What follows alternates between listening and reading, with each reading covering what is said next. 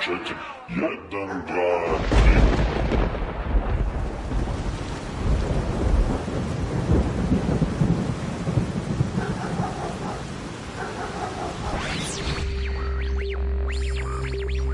Novi Radio Beograd. Radio Galaksija. Od 14. Kada je? Od 14. Od 4. Radio Galaksija. Radio Svemir. Radio Galaksija. Sredo. Sredo. Radio Galaksija. 14. Galaksija. Galaksija. 16. Galaksija.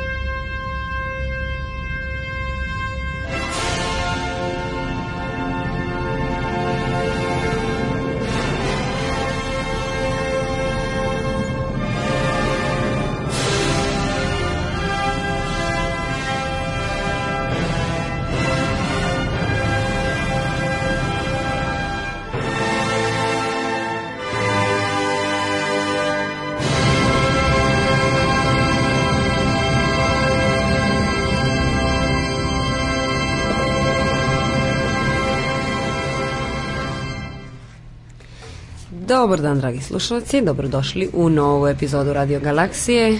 Dobar dan. Dobar dan, Milane, kako si? E, pa, kotrlja se, nije loše. Nije loše, nije loše. Došlo nam je leto. Jeste, mada nije nam kiša sad ljuljno još uvek, Nije, ali možda ali- će, što uopšte nije loše. To zato će što biti jedna prijatna letnja kiša. To će biti prijatna kiša, a šta je najlepše dok pada kiša na polju? Slušati Radio Galaksiju. Normalno.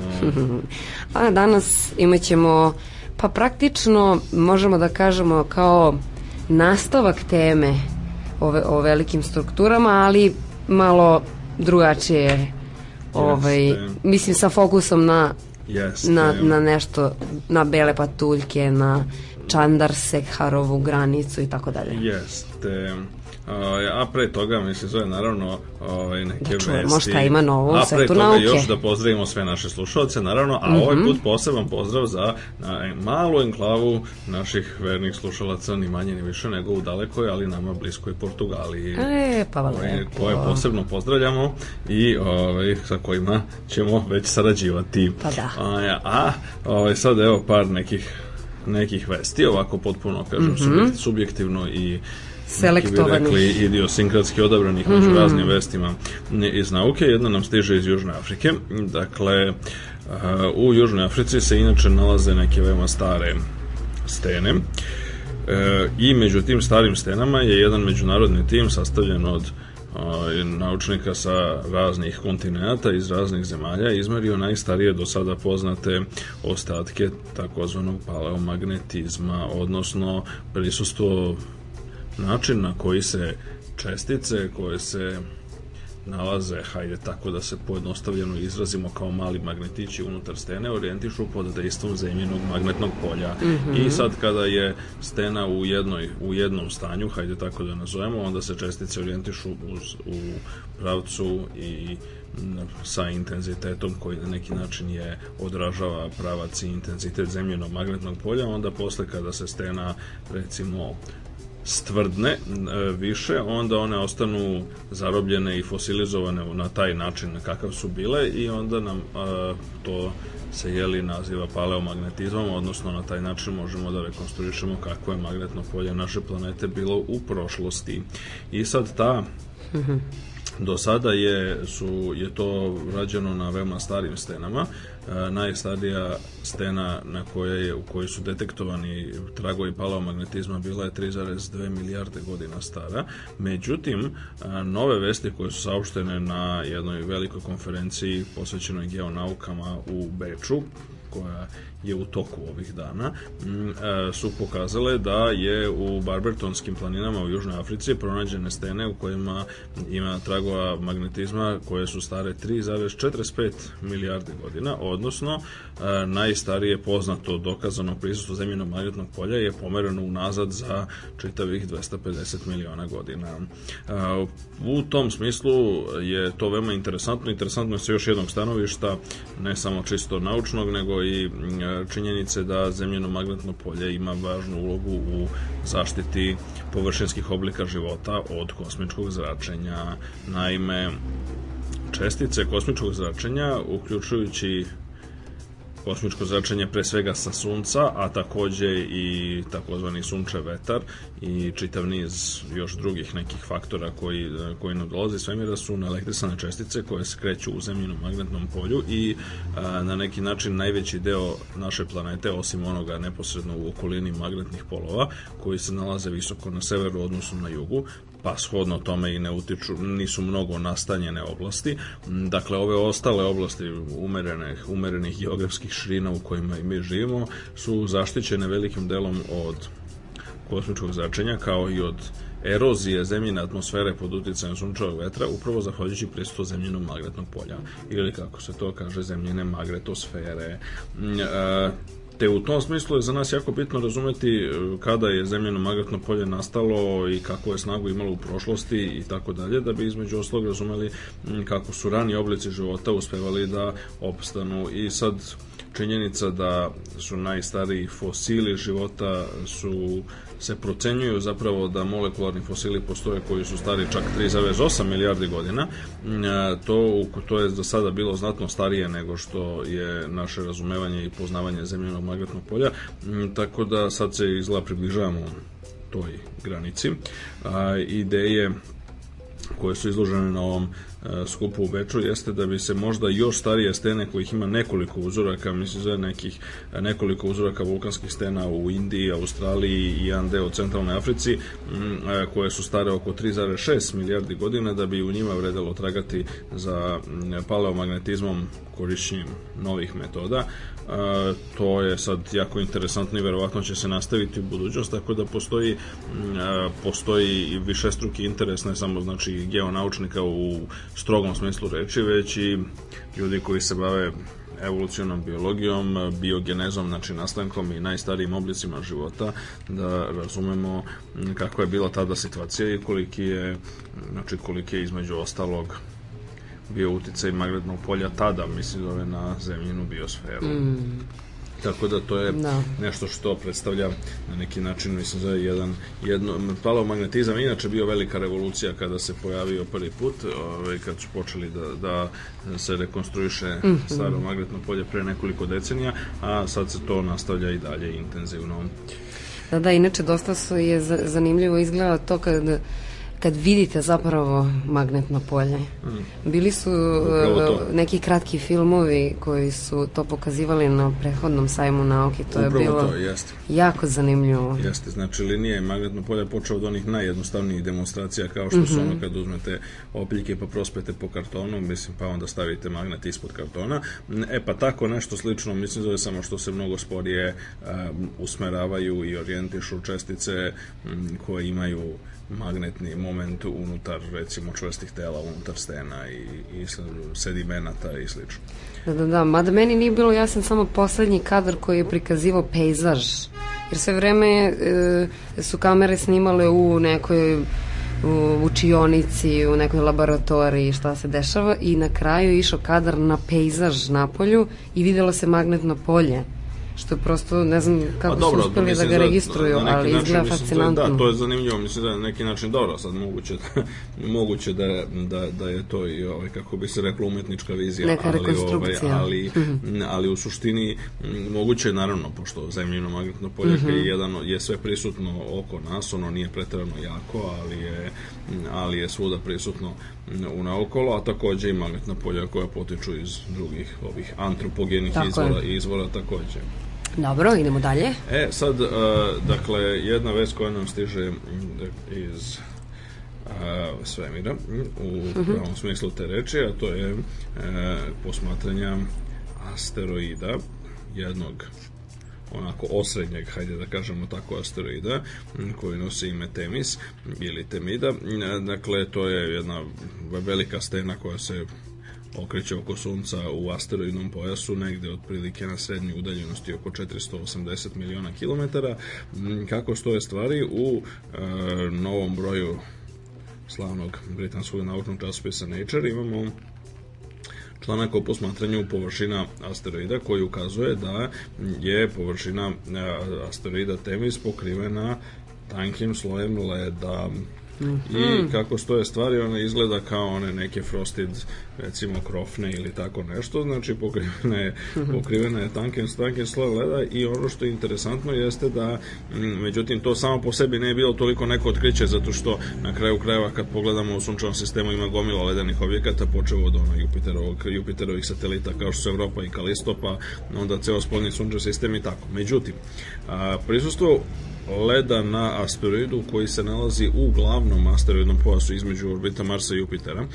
To je onaj klasični veliki glavni asteroidni pojas, je ona je prilično zbunjujuće zato što je taj glavni asteroidni pojas zapravo dovoljno blizu Sunca da dolazi do isparavanja odnosno sublimacije leda sa takvih tela polako i čovjek bi očekivao da ukoliko je ta vrsta ledenog omotača treba da bude stabilna ili ukoliko ona očekujemo da ona traje dovoljno dugo da ima neku stabilnu ili kvazi stabilnu debljinu onda je neophodno da se ta voda, odnosno taj led, da se ponovo nadoknađuje gubitak koji stalno sublimira pod dejstvom sunčevog zračenja.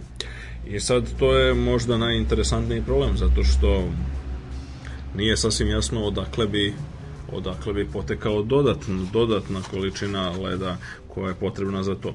A, znači, jedna ideja je, naravno, mislim da to potiče iz unutrašnjosti objekta, ali to bi onda bilo vrlo interesantno toliko pre, zato što bi to onda značilo da ima zaista mnogo dakle mnogo vode u malim telima, asteroidima, mnogo više nego što se očekuje.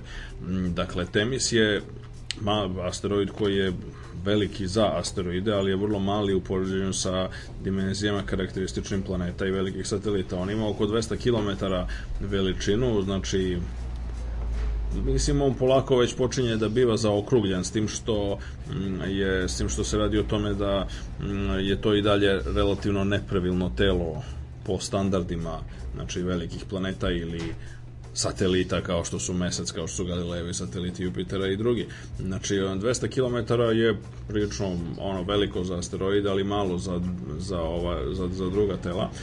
I radi se o tome da znači ljudi nisu očekivali da su tako mala tela u stanju da čak i ako su imala vodu u nekom davnom periodu sunčevog sistema da zadrže do dana današnjeg.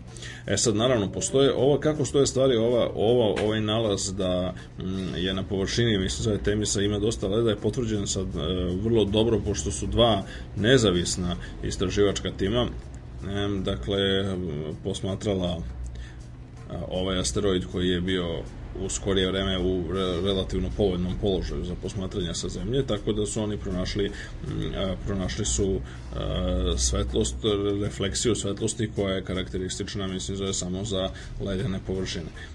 Ono što je, ono što je bitno, mislim, jeste to naglasiti da moguće su, znači, jedan od scenarija, na primer, koji je moguće objasniti mm, u okviru sadašnjih, sadašnjeg paradigme i sadašnjeg razumevanja priroda asteroida jeste da je ovaj asteroid skoro imao sudar sa nekakvom ledenom kometom koja je došla iz spoljašnjeg sunčevog sistema. To je međutim prilično malo verovatno kad uzmemo obzir koliko je to malo telo pa još i znači kometa je isto tako mala i sad ne potrebno, vrlo se redko u, u svemiru se zaista ekstremno redko se dešavaju sudari između tako malih tela i sad da, da to bude tako skoro da smo mi u stanju da ga posmatramo danas. E, sa druge strane, moguće da je došlo do čestih ispada e, nekakvih sudara sa malim objektima. Dakle, i kako stoje stvari, znači da je led koji inače sakriven u unutrašnjosti generalno bio postepeno otkrivan na taj način, mislim što su mali sudari dovodili do erozije stenovite površine, pa se, se više i više unutrašnjosti asteroida izlagalo površini, odnosno sve više i više leda se iz unutrašnjosti pojavljava na površini. Mm -hmm. To na neki način onda ukazuje da zapravo količine, količine vode u nebeskim telima, posebno u malim telima, znači kao što za komete smo davno znali, a Aha. za asteroide izgleda da se ispostavlja da su oni opet sličniji, mislim, za kometama nego što se ranije smatralo. E, to takođe potvrđuje staru ideju o tome da je voda na zemlji, na primer. Tako je, tako je donesena Upravo kroz sudare sa, mm -hmm. sa, sa, dakle, malim telima, sad bile one nazivali mi njih kometama ili asteroidima, da. kako god to izgleda, manje postaje neka fizička razlika u prirodi, a više postaje, mislim da čisto osobina ljudske, ljudske klasifikacije i kategorizacije.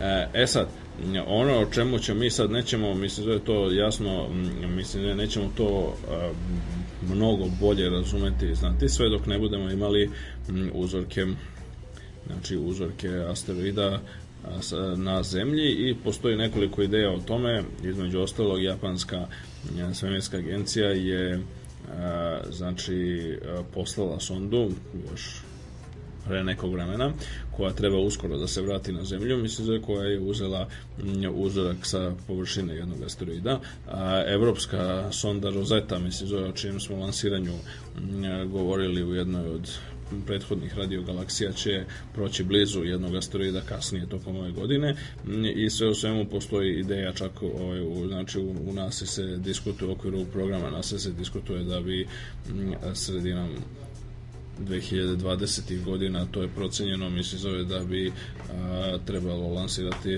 odnosno da postoje planovi da se lansira Još misija jedan. sa ljudskom mm. posadom, sa ljudskom posadom koja bi posetila jedan od obližnjih asteroida. Lepo. Moje lično mišljenje je da je to vrlo pametno i korisno, mm -hmm. jer, bo, mislim, za asteroidi, za razliku od za razliku od udaljenih planeta, posjeduju jako slabo gravitacijono polje i u suštini ukoliko u njima, a znamo da ima raznih stvari i resursa korisnih za eksploataciju, njih bi mnogo lakše bilo dovesti na zemlju ili u orbitu oko zemlje sa drugu. asteroida nego sa neke druge planete koja ima mnogo jaču gravitaciju pa je shodno tome svaki transport mnogo, mnogo skuplji mm -hmm. te to ćemo da vidimo ali ja mislim lično da su asteroidi glavna, glavni cilj za bilo kakvu vrstu komercijalnog korišćenja kosmičkih resursa Lepo. E, i sad još jedna vest nam stiže, mislim, zove opet objavljena u Nature, ovaj put u onom, kako bi to novinari rekli, podlistku mm, Nature Genetics, koja se odnosi na i, i izazvala je prilično veliku pažnju, dakle, sve ove svetske agencije, čak i one koje se ne, ne bave eksplicitno vestima iz nauke, su donale po nešto o tome, znači, jedan tip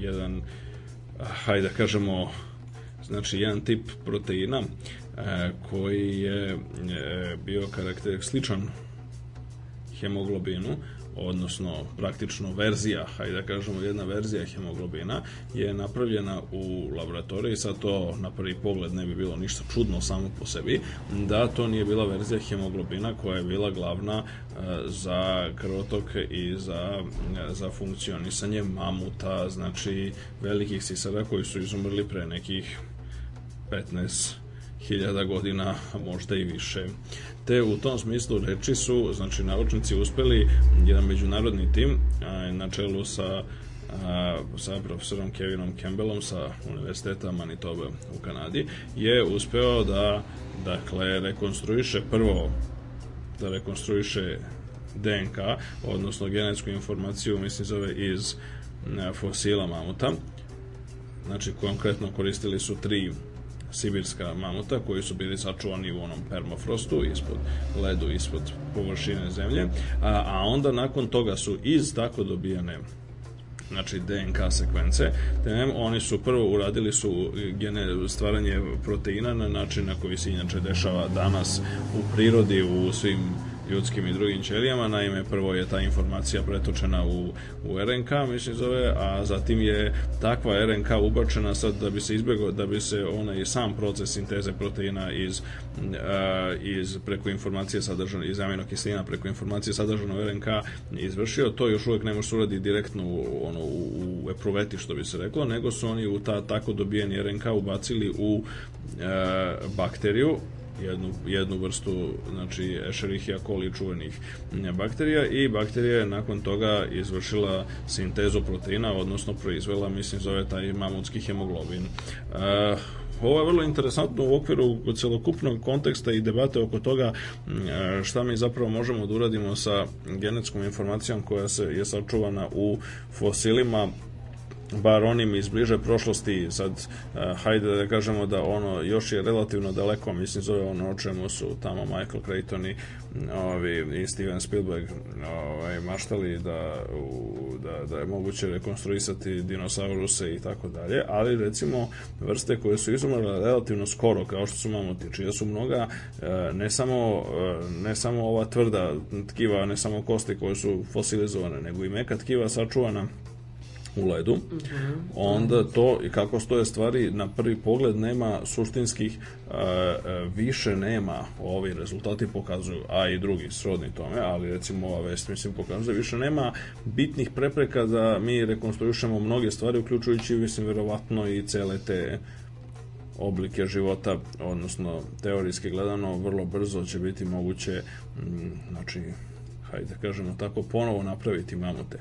E sad, drugo je pitanje da li je to dobro i da li to treba I zašto je uraditi, da li to, to da li to treba, da li to treba uraditi ili ne, to je vrlo, to je vrlo interesantno pitanje. Da. Ja, ovaj, naravno, pitanje postaje još zanimljivije kada se dotaknemo onoga o čemu smo takođe govorili u jednoj od prethodnih radio galaksija, a to je ako možemo mamute, zašto ne i neandertalci? Sad, to je već, to, to, tu sad sukobljamo sa čitavim nizom drugih pitanja, mm -hmm. pošto su neandertalci očigledno bili inteligentna vrsta koja imala i fragment, imala i prve tragove materijalne kulture, društvene hirarhije i slično.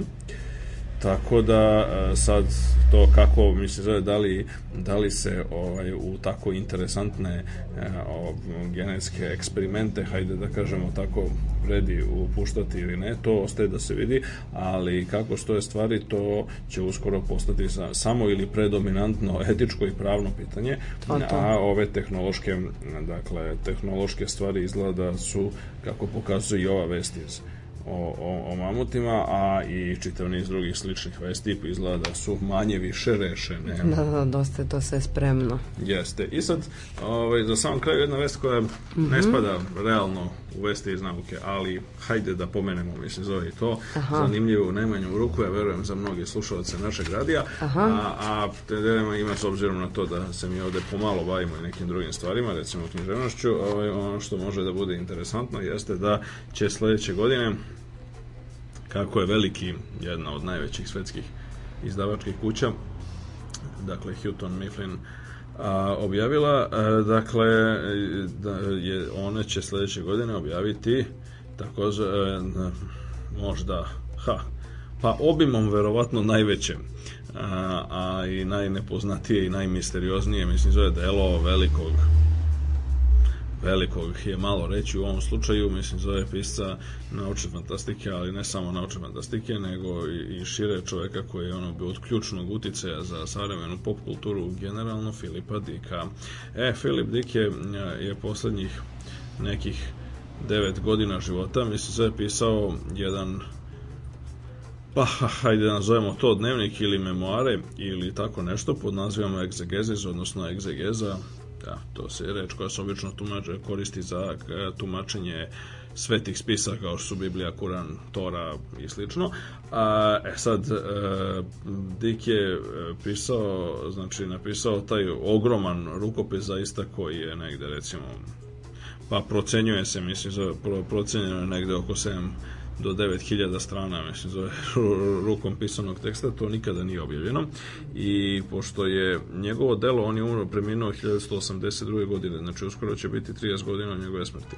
A, dakle, mnogi, mnogi smatraju da je on apsolutno bio čovjek zaista decenijama ispred svog vremena sa punim pravom, zato što mnoge stvari o kojima je on a, razmišljao su danas postale jedna od centralnih tema interesovanja između ostalog recimo pitanje ono virtuelne stvarnosti i stvarnosti. I pitanje mislim zove šta je ove, šta je ljudsko, šta je androidsko, odnosno automatizovano i slično, sva te stvari o kojima koje su danas bila i u periodu recimo ne znam nakon a, filmova kao što je Matrix i slično, mislim da je postale, postale široko poznate i aktuelne su u Dickovom delu bile diskutovane recimo 1950. godina na primjer ili, ili 60-ih ili tako nešto. Da, dakle, ovaj, dakle, čovjek koji je bio zaista decenijama ispred svog vremena. E, u dakle, momentu kad je on umro, za njega je znao jedan relativno mali krug ono, fanova i, i prijatelja i, i fanova, međutim, on je u poslednjih 10, 15, 20 godina doživao zaista pravu renesansu, čitav niz velikih Revival. izdanja, velikih izdanja mm. njegovih knjiga, recimo pojavilo se veliko interesovanje za njegove mainstream romane koje nikada nisu objavljeni za ime njegovog života, pošto nije bio u stanju da nađe izdavača. A, postoji čitav niz kurseva na univerzitetima širom sveta, recimo u Francuskoj se on izučava u okviru moderne književnosti već nekih 25 godina, mislim praktično odmah nakon smrti, mislim zove je njegov značaj prepoznati ovaj, saćen i to je slično tome, mislim zove postepeno i u celom svetu, a te u skladu sa tim, mislim zove će objavljivanje ove egzegeze u nekakvom, naravno, pretpostavljam e, teško i onako heavily editovanoj obliku zato što mm, je zato što ono što je on ostavio zaista je bilo mislim je krajnje haotično. Neki odlomci su već godinama mislim zaobjavljivani na internetu od strane jednog društva entuzijasta koje je podržavala i Dikova po, supruga, mislim zove poslednja supruga još uvijek živa Tessa Dick, mm, je e, dakle oni su oni su objavili jedan deo mislim da toga, međutim celokupno izdanje je bilo zaista jako ambiciozan poduhvat koji će evo kako stoje stvari mislim zove naredne godine izgleda biti realizovan i to će biti vrlo ovako značajna interesantna vest mislim zove ne samo za ovaj, SF fanove nego možda i više mislim zove za što bi se reklo istoričare, teoretičare savremene pop kulture i slično. Svakako. No, no more sugar left, no more soap to clean my hands with no songs left for the choir. Oh, no more stitches for the dress, no more bread left to bless. I raise my hands to reach the sky.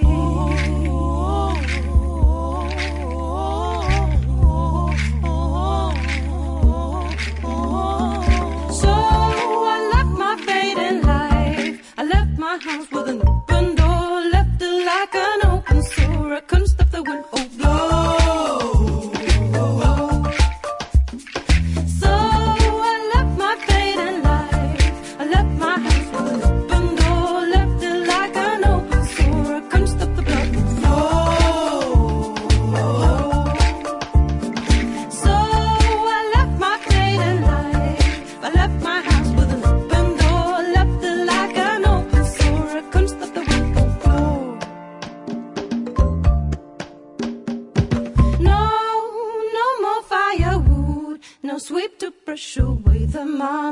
up on my shoe.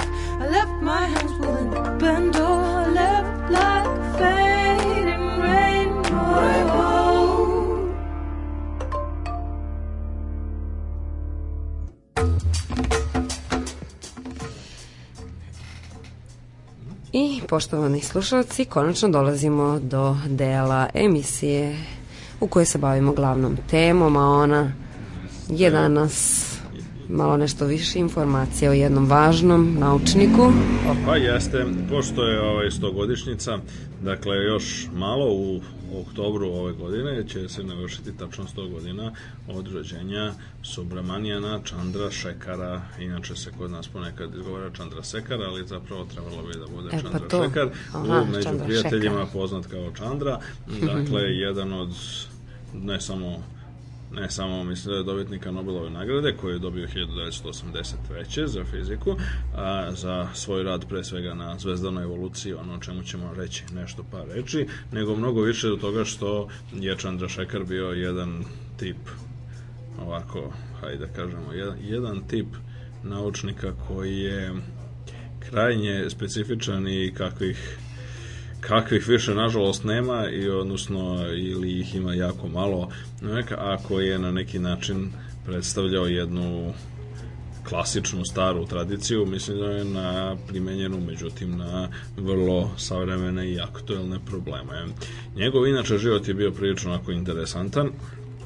On je a, rođen u Lahoreu, znači tom Indija, jednom velikom Pendžab. indijskom gradu, jeste, mm. u, među, u tamilskoj porodici, dakle Tamili su jedna, jedna dosta ovako brojna i relativno uspešna grupacija, mislim zove etnička, a, etnička u Indiji. Nažalost, u poslednje, poslednjih decenija najčešće su pozna, poznati u medijima se nešto pojavljuju, mislim zove zbog tamilskih tigrova, to je bivše terorističke organizacije, ali na, nasuprot tome oni su dali jako veliki broj značajnih ljudi, velikih intelektualaca, e, in, indijski, mislim, dakle, celog indijskog podkontinenta, mislim, uključujući i, i ne samo Indiju današnju, nego i Pakistan, Bangladeš i Šrilanku.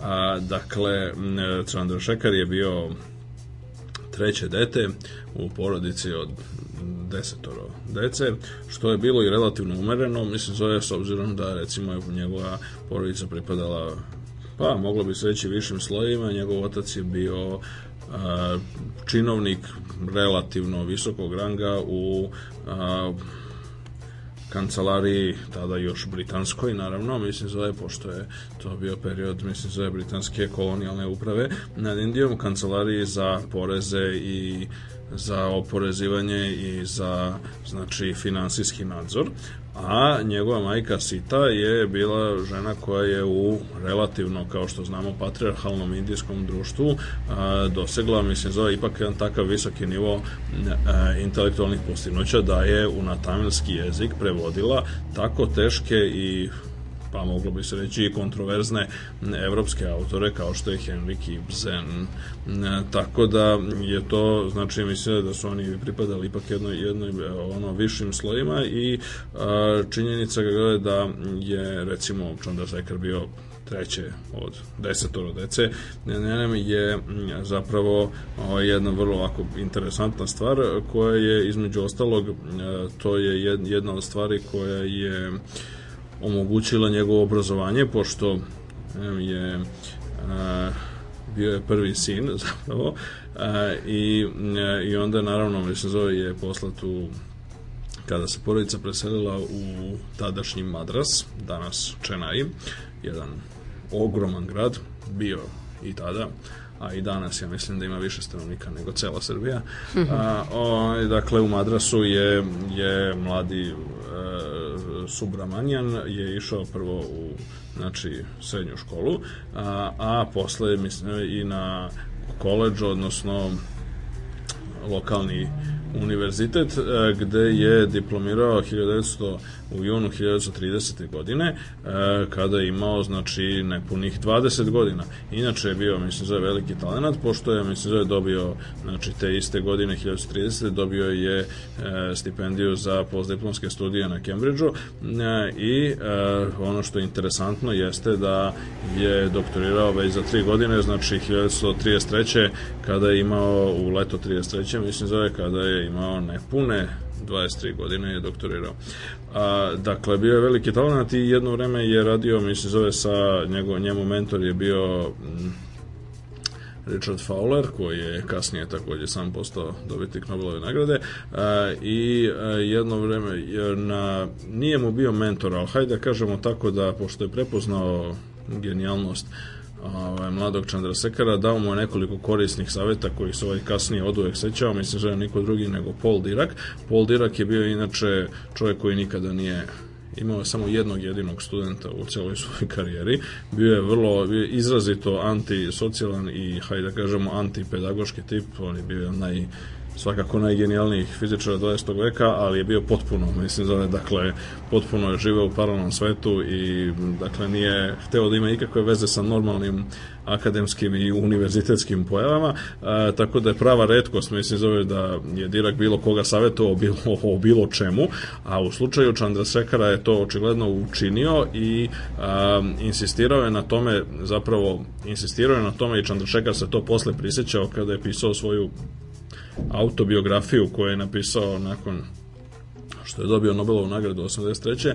se prisetio, mislim, sa posebno ovako, sa, sa, jedni, sa jednom posebnom sentimentalnošću se prisetio činjenice da je Dirak insistirao da on na na, na trećoj godini studija, mislim zove ode i provede godinu dana u a, in, institutu za teorijsku fiziku u Kopenhagenu, koji je bio poznat jeli, kao u celom svetu i ostao poznat kao Bohrov institut, pošto je mm -hmm. Niels Bohr bio ono, alfa, omega, otac, majka i duša, mislim zove toga, toga a Bohrov institut, mislim zove u čuvenoj ulici Blackdam Svej u Kopenhagenu je bio Pa, eh, hajde da kažemo da, mislim, zove sve što je bitno otkriveno, ne samo u fizici, već i u hemiji i srodnim naukama je počelo, mislim, zove izbor ovog instituta u 20. veku da kažemo.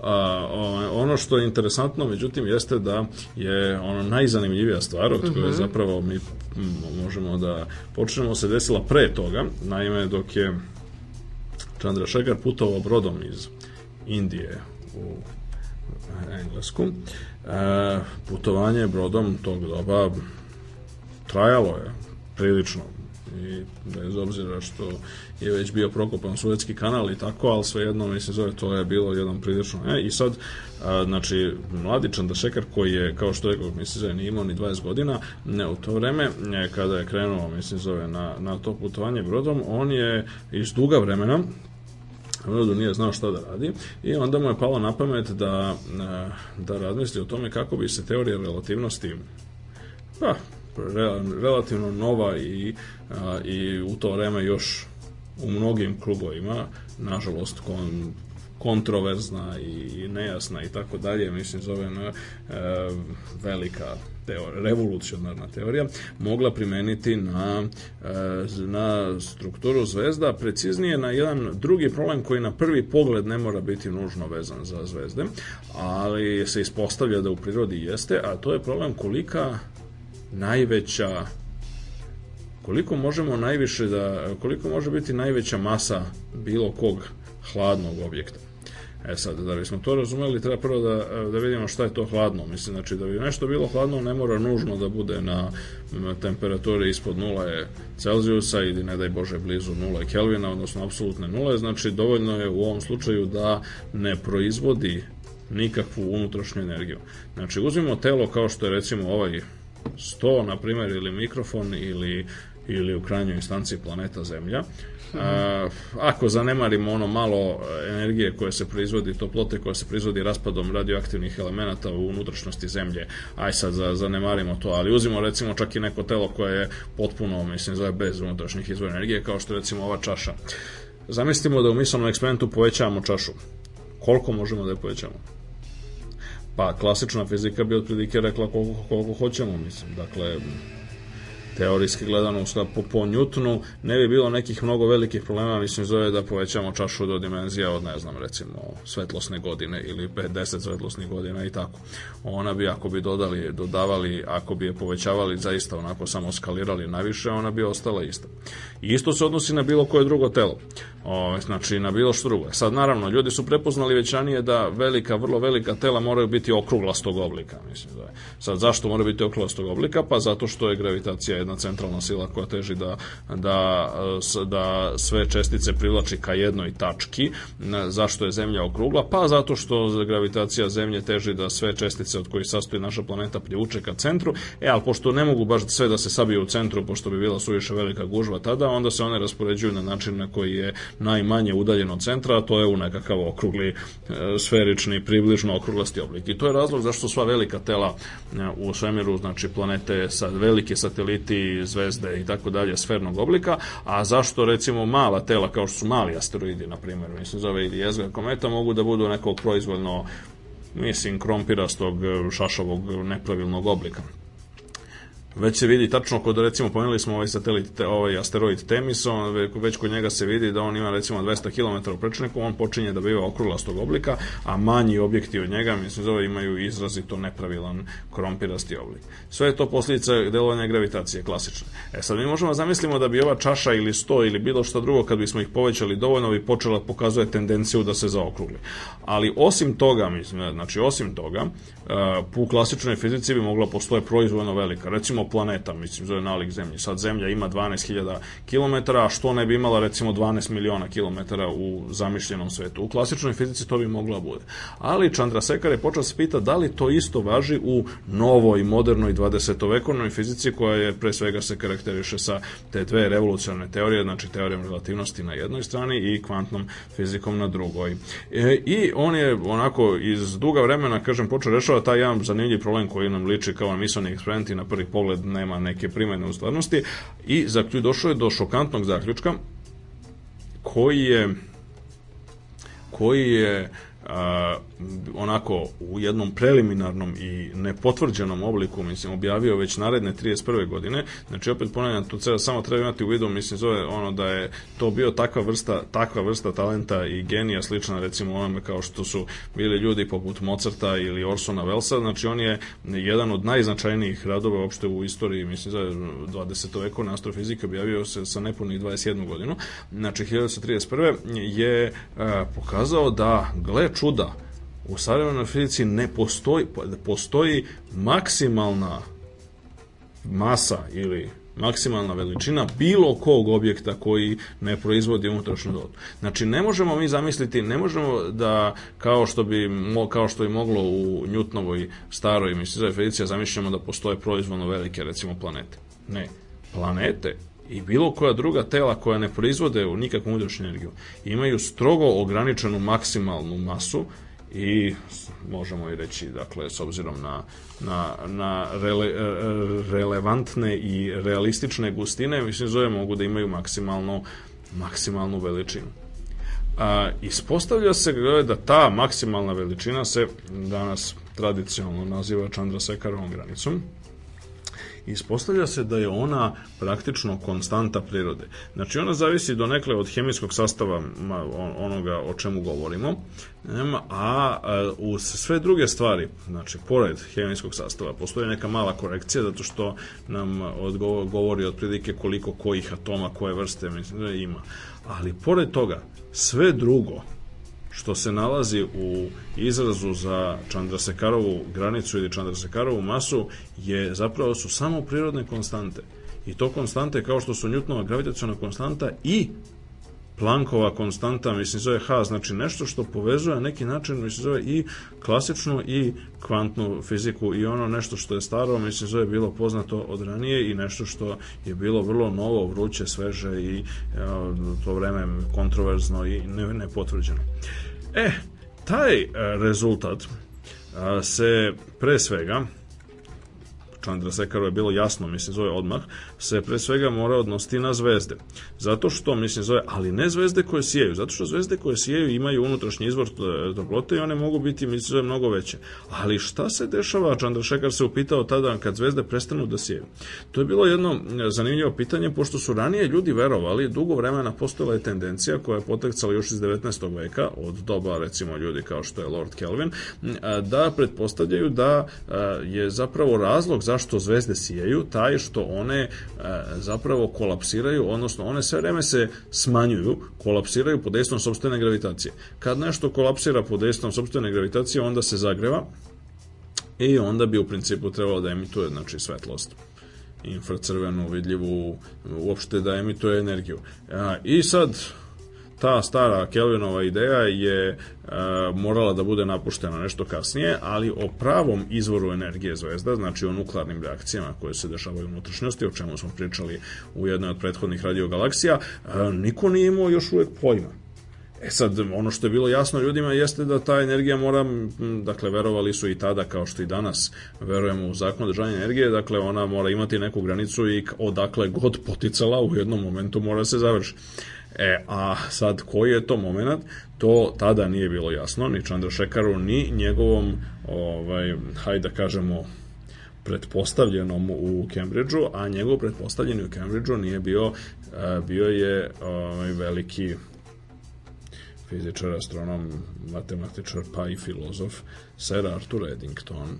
I sad, između Eddingtona i Chandrasekhara je nastala jedna vrlo interesantna, jedna ovako ljudska drama koja je, koja je, ima veliki značaj za istoriju nauke i koja je na neki način interesantna sa više od jednog aspekta, što se tu manifestuje čitav niz čitav niz stvari kojima se obično u klasičnim izlaganjima ne samo naučnih rezultata, nego i istorije nauke kako se nekada sagledavala kao jedna vrsta opisa progresa ka sve većem i većem saznanju, kao ta jedna naivna istorija nauke zapravo ne može da objasni ono što se tada dešavalo, to je konkretno u periodu od 1931. do 37. godine otprilike kada je došlo do te jedne velike kontroverze, hajde da kažemo, između Chandrasekhara i e, Eddingtona oko toga kakva je konačna sudbina zvezda. A o tome nakon jedne Može. muzičke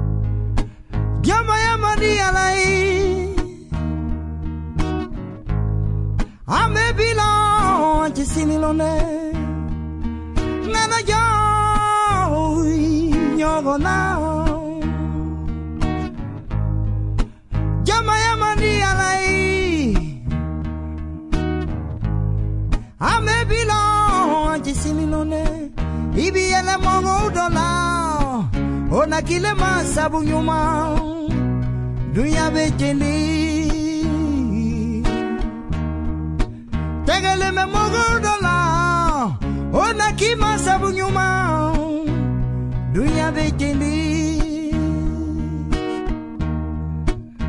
dabe yele la lomino dabe kasi wolonde la dunya be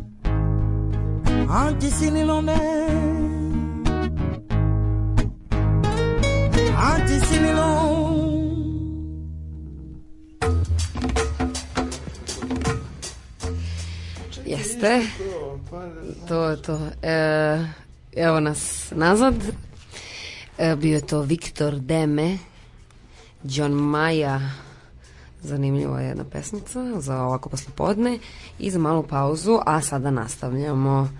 Jeste. E, do, znači stigli smo do perioda 1935. 6. što smo Jeste. rekli. E, Da, pa mislim, ono što, se, ono što je zanimljivo jeste da je, dakle, opet kažem, šta se, u čemu je zapravo tajna, hajde kažemo, ove, Chandrasekarove granice? Pa, e, p- p- Chandrasekhar je pokazao sledeću stvar.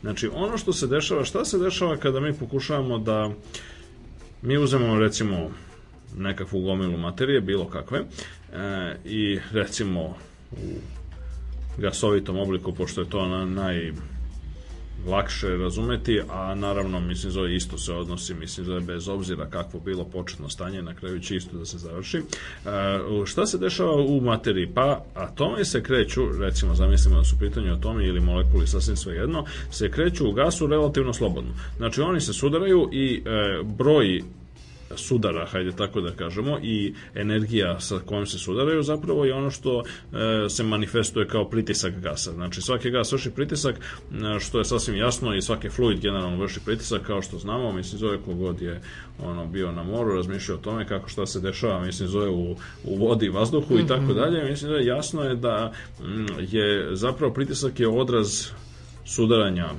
atoma ili molekula, nije važno, čestica, e, i njihove razmene energije prilikom tih sudara. E sad, da bi se sudarali, oni moraju da, što se kaže, se kreću dovoljno, odnosno moraju da uhvate zalet. I sad, što je veća temperatura, to je veća brzina kojom se oni kreću i e, srednja brzina, nekakva, nije bitno, to su ljudi shvatili još u 19. veku za vreme Maxwella i Boltzmana, a, da zapravo temperatura odraz brzine kojom se čestice kreću u nekoj materiji. A, I sad što je viša temperatura, to se i većom srednjom nekakvom prosečnom brzinom, sad nije važno tačno kako se računa ta prosečna brzina, to je jedno interesantno pitanje samo za sebe, ali nezavisno od toga, znači kad stavimo termometar, time smo pokazali koli, e, nekad da dobili smo neku meru prosečne brzine kretanja čestica u toj materiji. Zamislimo da uzmemo ne, ne, bilo kakvom silom, Sad, bez obzira da li to bio recimo kao u onim srednjoškolskim eksperimentima, onaj klip koji smo mi stavili na cilindar, pa sad mi sabijamo, ili kao recimo motorima sa unutrašnjim sagorevanjem, gde oni klipovi sabijaju znači, smesu u, u, u cilindrima, ili je to recimo sila gravitacije koja deluje na kolaps nekakvog velikog međuzvezdanog oblaka. Znači, kakva god sila da deluje, zamislimo da ona počne da sabija materiju, šta se ona dešava? Pa, jedna od stvari koja se dešava jeste da se svakako broj sudara povećava, zato što atomi jednostavno imaju sve manje i manje prostora da se zaleću između, znači njihova, znači njihov, kako to opet fizičari vole da kažu, slobodni put se smanjuje. Zato i, znači, slobodni put, znači to je onaj, ona dužina koju pređu između dva sudara u proseku, se smanjuje. Jednostavno ima sve manje i manje mesta. Kako se smanjuje zapravo sve manje mesta. Međutim, i dalje ima jako mnogo mesta zato što je u, uopšte uzevši materija uglavnom ono što mi nazivamo znači bilo koji oblik materije je uglavnom prazan prostor zato što ima znači u bilo čemu čak i ono najtvrđim čvrstim telima čak i ono u najgušćim metalima u platinskim metalima zlatu i slično koje su ono naj koje su ono simbol velike gustine a ne je tamo još uvek prostor između dva atoma na primjer zlata u kristalnoj rešeci zlata je jako veliki, mnogo veći od njihovih dimenzija. Međutim, mi možemo da zamislimo slučaj u kome mi sabijamo i sabijamo nekakvom silom, dakle, opet kažem, nije važno da li je to m, e, rad koji vrši cilindar, mislim, zove sabijajući, mislim, zove gas, ili je to rad koji vrši, recimo, sila gravitacije sabijajući, mislim, zove oblak ili sam, znači, samu materiju koja ispoljava gravitacionu silu. A, znači, svejedno kako se to dešava, e, kada nešto se sabija, onda se količina praznog prostora smanjuje. Jeli, pošto sami atomi ostaju iste veličine, a onda ono što se smanjuje jeste, kad se smanjuje zaprina, smanjuje se prazan prostor između njih. Ultimativno gledano, to može da ide dokle? Pa može da ide, kao što je Čandra Šekar shvatio, mislim zove dotle, dok se elektroni koji se nalaze na periferiji atoma ne počnu, mislim, zove njihove putanje koje nisu više kao u klasičnoj fizici dobro određene, dobro definisane, onako jasne kao ono planete oko sunca, tako kako se nekad zamišljalo, nego su onako fazi razmrljane, maglovite, difuzne, znači oni su svuda pomalo, a negde malo više, negde malo manje, ali su mnogo onako razmrljanije, kao kad ljudi, ono, ne znam, kad ko vide ljudi skinu naočare pa vide svet malo razmrljanije, mm -hmm. e pa tako isto su i putanje elektrona u atomima i sad one u jednom momentu počinju da se međusobno preklapaju. Znači jedan atom, znači ima tako malo, ostane tako malo praznog prostora između njih zbog tako velike, velike sabijanja, velike gustine, da oni počinju, ti elektronski omotači počinju malo da se preklapaju. E tada, oni pokazuju strašno veliki otpor prema preklapanju, na njem i taj otpor se naziva degenerativni pritisak.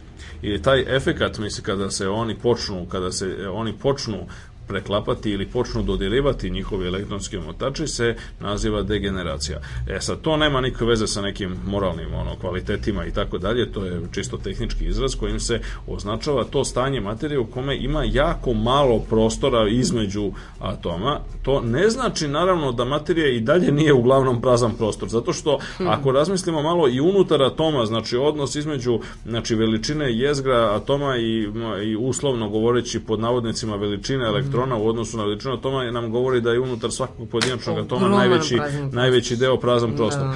Ali između atoma ima sad mnogo manje, oni su sad, njima je sad mnogo manje komforno, uh mhm. -huh. ima mnogo manje prostora i njihove ti elektronski omotači koji opet, kao što nas uči znači, savremena kvantna fizika, nisu više dobro definisani, uh mhm. -huh. nego su onako razmrljani i oblačasti i magloviti i magličasti i tako nekako svi difuzni.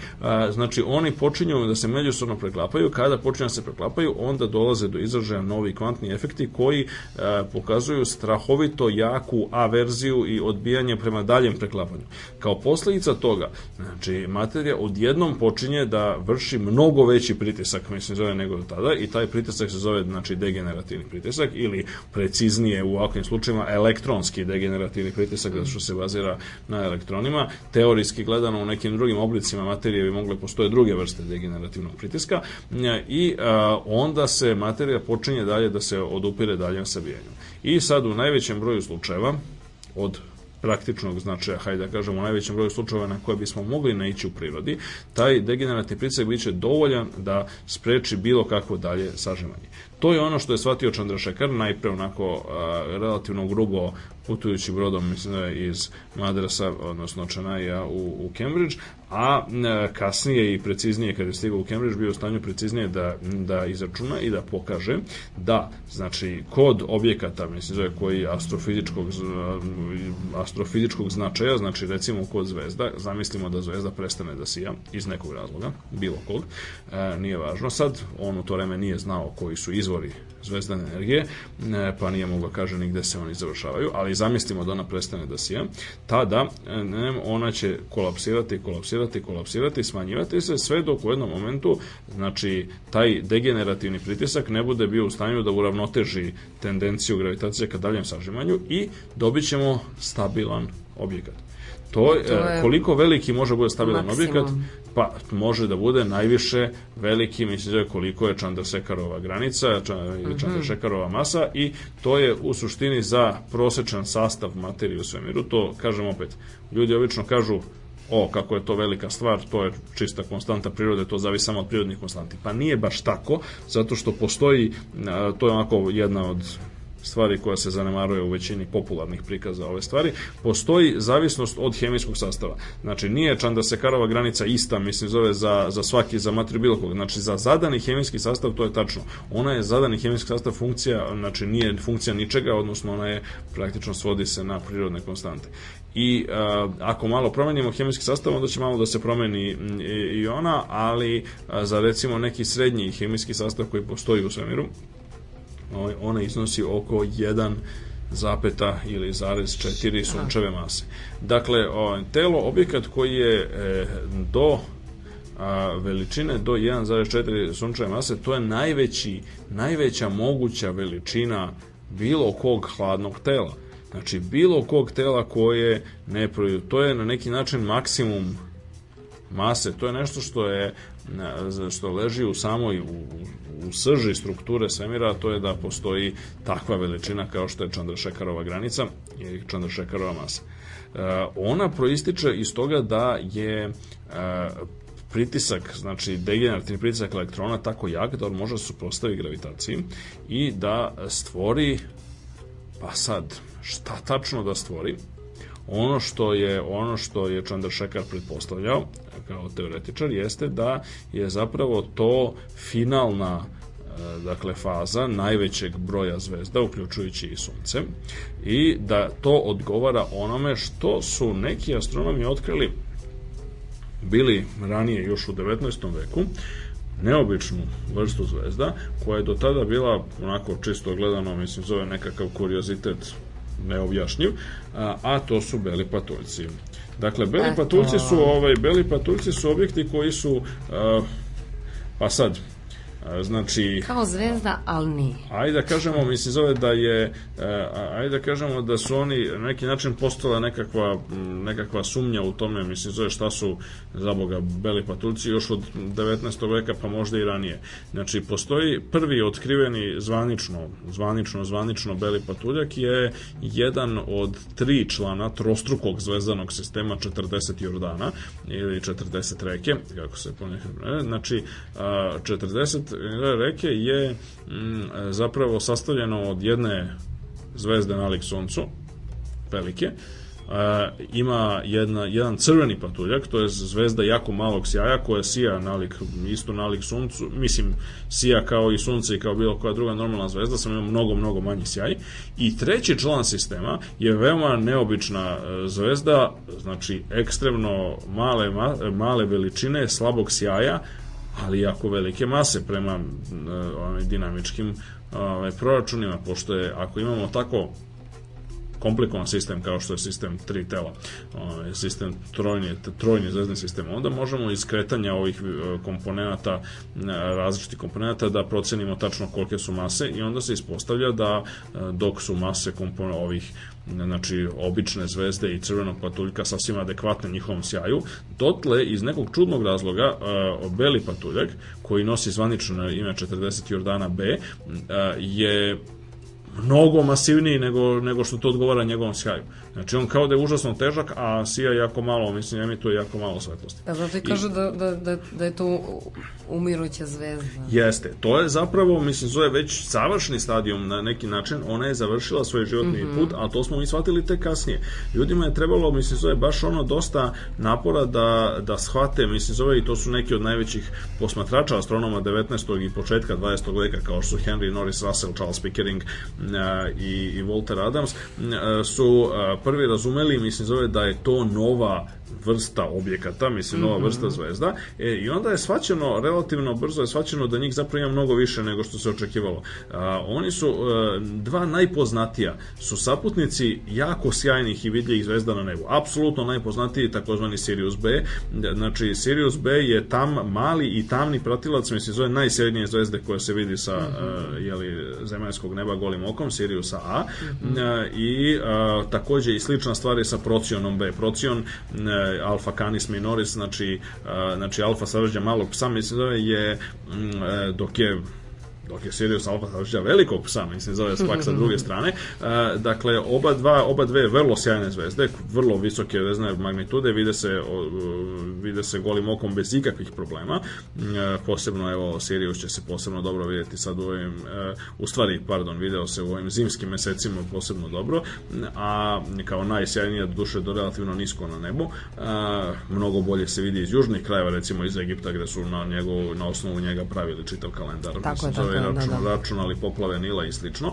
E, dakle, ispostavlja se da te sjajne zvezde imaju male pratioce, jako malog sjaja koji nisu bili, nije bilo moguće otkriti bez teleskopa, uh mhm. -huh. međutim, Međutim, ti mali pratioci imaju ogromnu masu koja je uporediva, mislim, zove sa, znači veliku masu koja je uporediva sa, znači to nisu kao neke male planetice koje leda, nego to su zvezde koje su po masi, znači po snazi gravitacije, po dinamičkim osobinama, ravnopravne sa ovim vidljivim zvezdama, a iz nekog razloga su recimo 10.000 ili 50.000 ili 100.000 puta manjeg sjaja. Mm I ispostavilo se da je zapravo to sa razlog zašto su tako malog sjaja, Izgledaju belo, da, imaju, to je isto bilo jako čudno. Znači oni izgledaju, znači oni imaju temperaturu koja je visoka na površini. Zato što ako se nešto vidi kao belo, onda to znači da je u stanju belog usijanja, jeli? To znači da je njegova temperatura na površini jako velika. Mhm. -huh. No, međutim, zvezde koje inače imaju belu boju, mislim zove su, su veoma sjajne, a ova pak, ove pak u ovi beli patuljci uopšte nisu sjajni, a razlog za tome jeste naravno što su oni po veličini jako mali. Tako da beli patuljak Sirius B recimo je, e, mi to danas znamo, veličine naše planete, otprilike veličine Zemlje. Ima masu koja je, mislim zove jedan koja je blizu Chandrasekharove granice, odnosno više od jedne 1, nešto solarnih masa. E sad zamislimo šta se dešava. Sunce, Znači, dakle, u ovom, sunce je u ovom trenutku, mislim, zove negde po veličini, po prečniku, mislim, zove više od stotinu puta veće od zemlje. Po zapremini je, dakle, milion puta veće od zemlje. Zamislimo da smo svu tu veliku zapreminu sabili u, u, u zapreminu veličine jednako zemlje. Znači, dobili bismo objekat ogromne gustine, ogromne gustine, i e, to je ono što se nas naziva belim patuljkom. Mm. Beli patuljak je objekat u kome su atomi kod kojih je sastavljena, mislim, zove bila zvezda nekadašnja koja je sijala pretvarajući, ne znam, tamo vodonik u helijum ili šta ja znam, helijum ugljenik i slične stvari. Znači, oni su, atomi su nabijeni praktično jedan do druga, kod njih deluje degenerativni pritisak o kome smo govorili i on ih održava stabilnim. One sijaju samo zbog toga što su tokom tog procesa kolapsa se dovoljno zagrele i oni se sad lagano hlade. Oni nemaju nikakav unutrašnji izvor toplote. Tako da se oni spadaju u onu Chandrasekharovu definiciju hladnih tela bez obzira što njihova temperatura na površini može biti 10 i 15 hiljada Kelvina u ovom trenutku, ali ona jednostavno nestaje. Oni će jednog dana postati šta? Crni patuljci. E, a pa zašto to- nisu to već postali da crni pitam, patuljci? da. Pa zato što jednostavno njihova, zato što je, e, zato što njihov sjaj, odnosno stopa kojom se hlade jako mala. E, pa zato to. što se jako hlade jako Oni sporo. se pa ni jedan, hlade. ni jedan jedini e, beli patuljak koji je nastao do sada jednostavno još nije stigao da se ohladi. Stvar je u tome što svemir postoji nekih 13 milijardi godina, galaksije i zvezde u njima postoje manje, 11 12 milijardi godina i a stopa hlađenja belih patuljaka je tako mala zato što se zato što su oni jednostavno tako mali. Znači, brzina hlađenja, oni jednostavno gube onu energiju koju već posjeduju, ali pošto je gube jako sporo, onda taj proces, mislim, jednostavno traje i traje. ko- to traje Tako 100 milijardi Tako godina. da, verovatno, mislim, zove će trajati reda veličine 100 milijardi godina ili tako nešto, pre nego što oni postanu crni patuljci. Ali ultimativno, znači, oni nemaju nikakve dalje, e, nikakve dalje izvore, energije i ono što je interesantno jeste da, kao što je Chandrasekhar predvideo, dakle, svi beli patuljci od kakvih god zvezda nastali ne, moraju biti ispod njegove granice, odnosno 1,4 e, sunčeve mase. E sad, kada je e, Chandrasekhar e, računo, računo to detaljnije i napravio je to predviđanje jednostavno da će i sunce završiti kao mm beli patuljak jednog dana, mislim zove s tim što njegova masa će bi treba, neki bi rekli po definiciji bila jednaka jednoj, jednoj sunčevoj masi, ali, ali se radi o tome da Logično. zapravo će biti manje, gle čuda od jedne sunčeve mase u tom trenutku, zato što ako posmatramo današnju, mislim, zove sunčevu masu, sunce će izgubiti jedan deo mase kada ne, pre nego što postane beli patuljak, ono će postati crveni džin, a tom prilikom to, će jedan deo da. spoljnih omotača da ode u svemir e, i kao posledica toga će jednostavno doći do situacije u kojoj će e, taj ostatak, znači beli patuljak koji nastane od sunca za nekih recimo 6 do 7 milijardi godina od danas, m, će e, biti recimo manje, on će biti negde 0,7 recimo 0, recimo imaće 70% današnje sunčeve mase. E, kada je Chandrasekhar to seo izračunao i o tome pokušao da izvesti e, britansko kraljevsko m, društvo, jeli, astronomsko, on je negde u januaru 1935. onda je naišao na žestok otpor jeli, predsednika društva i na apsolutno najuticajnijeg fizičara i astronoma u Britaniji tog doba, Sir Artura Eddingtona. E sad, Eddington i Chandrasekhar su inače bili onako po mnogim stvarima jako slični ljudi i ovaj Eddington je recimo bio veliki pacifista na primjer i on je mm, e, on je kao kveker on se odupirao mobilizaciji u Prvom svetskom ratu pretilo me hapšenje ima je silnih problema zbog toga što se se protivio ratu i tako dalje. Ali s jedne strane. S druge strane mislim imao je tendenciju ka jednoj autoritarnom ono hijerarhijskom organizovanju u nauci i nije mislim zove bio mnogo strpljiv mislim zove sa ljudima koji su mu protivrečili. Zanimljivo je da je Chandrasekhar Chandrasekhar je kasnije godina života ispoljio iste te, ispoljavao iste te osobine. Ali ovde je bio, mislim, zove još, to, to je bio konflikt, mislim, zove jako sličnih ljudi po temperamentu, po kreativnosti, po zaista vrhunskim sposobnostima i, i matematičkim, a mislim i onim da sagledaju kako to ono priroda, kako je priroda to uredila u, u, u realnoj fizičkoj stvarnosti. I mm, Eddington, jedno, Eddingtonu se e, ta Chandrasekharova ideja o belim patuljcima i o završetku zvezdane evolucije kao belim patuljcima nije dopadala iz nekog razloga koji nije sad sasvim jasan, nije ni on se trudio baš da ga preterano obrazloži i on je e, prvo na tom sastanku početkom 35. a kasnije i svuda okolo, mislim zove počeo da e, bukvalno ismejava i izlaže ruglu Chandrasekharove ideje e, i to je dospelo do te mere da Chandrasekhar koji jako je dve godine ranije znači doktorirao na Cambridgeu i smatran jednim od najperspektivnijih čovjekom s sjajnim rezultatima, on je bukvalno ovaj, dve godine kasnije 1937. morao da pobegne mislim zove iz ovaj, Britanije u, u Sjedinjene države gde je dobio po, ponudu od univerziteta u Čikagu da predaje astrofiziku u Čikagu i tamo je ostao I tako je postao bukvalno- Amerikan. Tamo je postao tamo tamo je ostao bukvalno narednih 50 godina, Mhm. mislim zove je žive u Čikagu. A, a, ono što je interesantno, to je, on je na neki način jeste bilo i to je a, na neki način, mislim, zove to, uh, to je jako interesantno, to je bio jedan, jedna vrsta, mislim, zove onako naučnog progona koji pokazuje jedno ružno naličje e, generalno, hajde da kažemo tako, akademske hijerarhije i toga.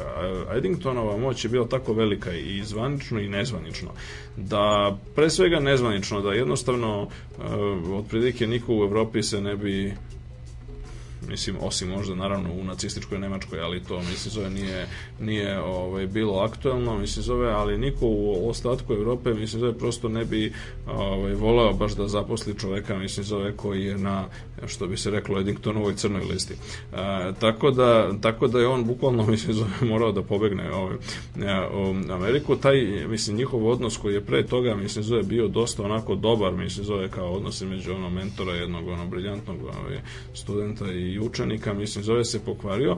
Doduše, pred sam e, kraj Eddingtonovog života, a, ovaj, Eddington je umro tokom drugog svjetskog rata, mislim da je 44. ako se ne varam, a, e, oni su se, a, e, Eddington se je smekšao po tom pitanju, mislim, zove i pred kraj života, mislim, zove je, je predložio Chandrasekhara za članstvo u, u, u Britanskom kraljevskom društvu, a, ovaj, što je na neki način odražavalo, mislim, zove njegovu onako promenu stava a, po tom pitanju. E, e Chandrasekhar je mnogo godina kasnije, ne, mnogo godina kasnije, dakle baš mnogo, da li je e, prihvatio? po 80. godina, mislim, sve jeste, jeste, naravno, mm. 80. godina, ne samo to, nego Chandrasekhar je pokazao, mislim, koliko je bio ovako veliki čovjek, mislim, zove, on je kao mnogo 80. godina kada se posvetio ozbiljnoj istoriji nauke, On je između ostalih stvari uradio sjajne stvari, napravio jedno kritičko izdanje Newtonove principije.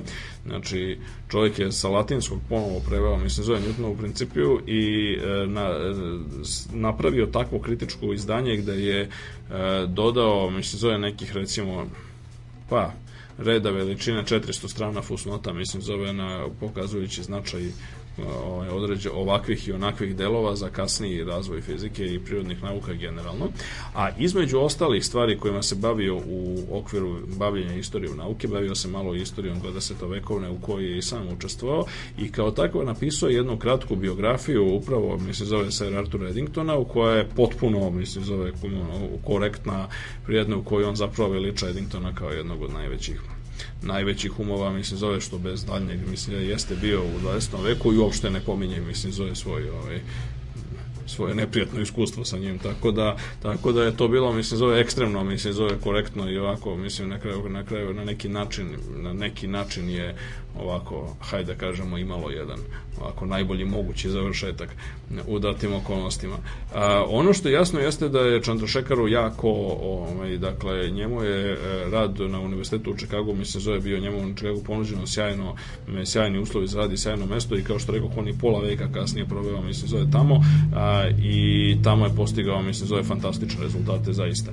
A, za razliku, recimo, od Pa dobro, i od Eddingtona, a do nekle, a posebno recimo od, od Diraka, Chandrasekhar je bio čovjek koji je bio ekstremno ekstremno odan i posvećen radu sa studentima i znači i predavačkom i mentorskom i svim oblicima mislim zove rada sa studentima. On je između ostalog jedno vreme putovao čovjek kada je živeo jedno vreme je, pošto nije mogao nešto da, na, da nađe u blizini kampusa a, univerziteta u Čikagu koji je tada bio sasvim drugačije tada je to on bio do nekle van grada. Danas ljudi koji tamo znaju da je univerzitet u Čikagu kampus na takozvanom Southside-u, mislim zove, odnosno na, u, i dan danas u dalekom ono južnom predgrađu, ne da, tada još bio još ono izvan i tada je u to vreme je Chicago bio grad poznat pre svega po kriminalu, a mhm. mnogo manje mislim zove po nekim drugim stvarima. E, tako da je e, Chandrasekhar mora, našao e, sa svojom suprugom Lalitom sa kojom se e, dakle oženio negde upravo u vreme mislim zove kada je emigrirao u Ameriku inače mm -hmm. se oni poznavali još iz e, još iz perioda njegovog studiranja u, u u, u Madrasu, odnosno Čenaju, a, je ono što je, i ona je bila, mislim, zove njoj se zahvaljivao i za, kad, u govoru kada je dobio Nobelovu nagradu i smatrao je da je ona naj, najzaslužnija za sve njegove rezultate. A, dakle, poenta jeste da on je, on je našao stan negdje jako daleko jedno vreme je imao držao predavanja na kojem imao samo dvojicu studenta i putovao je tri puta nedeljno, mislim, zove preko 200 km, mislim, zove da bi, Wow. da bi držao predavanje samo dvojice studenta. E, kad su ga pitali što to radi, mislim, zove, ne, ne, on je rekao, ma ne, to su sjajni studenti i tako. Ispostavilo se da... Da su to e, zapravo- Ispostavilo se da, da su to budući, buduća dvojica dobitnika Nobelove nagrade To, to, za to, fiziku, to. mislim, zove, koji su ovaj, zaista, mislim, zove, bili ovaj, očigledno dovoljno dobri studenti. E, Chandrasekhar je bio, e, je po svojoj metodologiji zanimljiv po tome što je on čovjek bio, on je sam sebe smatrao i mnogi drugi su se slagali sa tim, pre svega primenjenim matematičarem. On je čovjek koji je postigao potpuno fantastičan nivo sistematizacije ovaj, u svom radu. Kako sam kaže u svojoj toj autobiografiji koju je napisao 80. godina, on je, e, njegova karijera se tačno, e, se tačno može podeliti u sedam faza. I sad vrlo je redko to, mislim, zove on slučaj da neko, mislim, zove tako sasvim jasno, kaže on tačno je po godinama, otprilike, mislim, podelio u sedam faza e, vrlo oštro, mislim, zove kad se bavio, mislim, zove kojim problemima. I, i ono što je, i može da kaže tačno, bukvalno od meseca, malte ne praktično od ono meseca do meseca, mislim, zove kojim se problema bavio i svuda je zapravo u svim najrazličitijim problemima. Znači, počeo je dakle sa teorijom belih patuljaka, ali mislim zove nastavio je mislim zove sa generalno zvezdanom dinamikom, pa se onda bavio malo teorijom transfera zračenja, pa se onda malo bavio hidrodinamičkom i hidromagnetnom stabilnošću, uključujući stvari kao što su recimo polarna svetlost i kao što je, mislim, zove recimo polarizacija neba zbog prisustva prašine u atmosferi i prisustva zodijakalne, zodijakalne prašine i tako dalje, pa se onda zatim bavio, mislim, zove konvekcijom u fluidima, to je ono što čini, mislim, zove da voda kad ključa, ključa onako neobično, kad ubacimo čaj, on se podiže pa spušta i tako dalje, te konvektivne ćelije su od ogromnog značaja generalno u dinamici fluida, pa se onda bavio, mislim, zove stabilnošću, mislim, zove raznih elipsoidalnih, znači ako hoćemo od, zamislimo, hoćemo od vode da napravimo što se dešava u bestrižinskom stanju, znači u bestrižinskom stanju ako hoćete da se kupate, na primjer, to je mnogo teže nego što bi se činilo, mislim zove zato što kad sipate vodu, ona,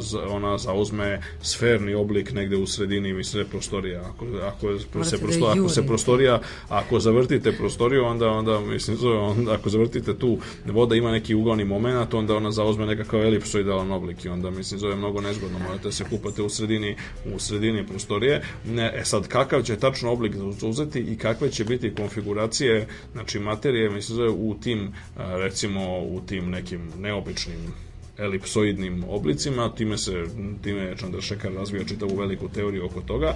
Zatim bavio se stvarima, mislim zove kao što su relativistička astrofizika, znači teorija neutronskih zvezda i posebno crnih rupa, ovaj, negde tokom 70. godina. A, bukvalno u svakoj od tih faza je i naravno istorijom nauke, kao smo rekli, Da. ovo na kraju 80. godina. A, o, u svakoj od tih faza on je, mislim, da je počinjao rad tako sistematski i tako formalno da bi on na početku mislim zove počeo mislim zove ono proučio mislim zove ono 17.000 mislim zove ono izvora i tako dalje a i onda bi nakon toga rešavao razne probleme koji su sve od sve lakših ka sve težim i na kraju za svaku od tih faza napisao je po jednu knjigu odnosno monografiju koja je ostala ono klasik i, i, i ovaj, koja se koja se što se kaže beleži za buduća pokolenja i koju svi mogu citi- citiraju. Na primer, mislim je iz perioda rada, mislim zove na ovaj, na, na, na, na zvezdanoj strukturi potiče njegova čuvena knjiga, mislim zove iz 1939. mislim zove uvod u studiju strukture zvezda koja predstavlja vrhunac, to je, postoje neke četiri kanonske knjige koje su, kogod želi da zna nešto o strukturi zvezda, mislim da treba pročita, a poslednja u tim u tom nizu, mislim zove je je, je Chandrasekharova koja zapravo nam objašnjava bukvalno sve što treba da znamo o strukturi zvezda a, i koje do dan danas predstavlja ono udžbenik koji se, koji se svuda koristi. Naravno, druge stvari koje je kasnije napisao ovaj, su, m, su bile takođe apsolutno potpuno gotovo bez izuzetka, mislim zove stvari u koje je sažao celu, a, celu neku oblast i u kojoj je bilo potpuno na neki način je, ovaj, mislim, jeste on to ovaj, naglašavao, mislim, zove neke stvari koje je da, nove do kojih je sam došao, ali jednostavno se to tako dobro uklapalo da u, u, u celinu, mislim, zove te oblasti, da nakon toga bi se ljudi samo pitali, mislim, zove dobro, ovaj, šta tu, šta tu uopšte više ima da se radi. Šta tu još E, nedostaje? tako da, tako da je, ovaj, ne, mislim, ta vrsta, mislim, verovatno, Chandrasekhar, mislim da je verovatno ulazi u istoriju i mnogi su kada je, kada je on nažalost, jeli, da je preminuo u svojoj ne, 84. godini e, 1995. onda su mnogi velikani e, nauke napis, pisali ono in memoriam e, za njega i naglašavali su, mislim zove recimo jedan koji je napisao posebno detaljan memoriam, isto kolega dobitnik Nobelove nagrade Hans Bethe m, je čovjek koji je zapravo razjasnio ono drugo što Chandrasekharu nije bilo poznato u 30. godinama, to je kakve su to nuklearne reakcije koje dovode do toga da zvezde sijaju, a, dakle takozvani BTL ciklus i tome slično. A, dakle, BT je napisao, mislim da prosto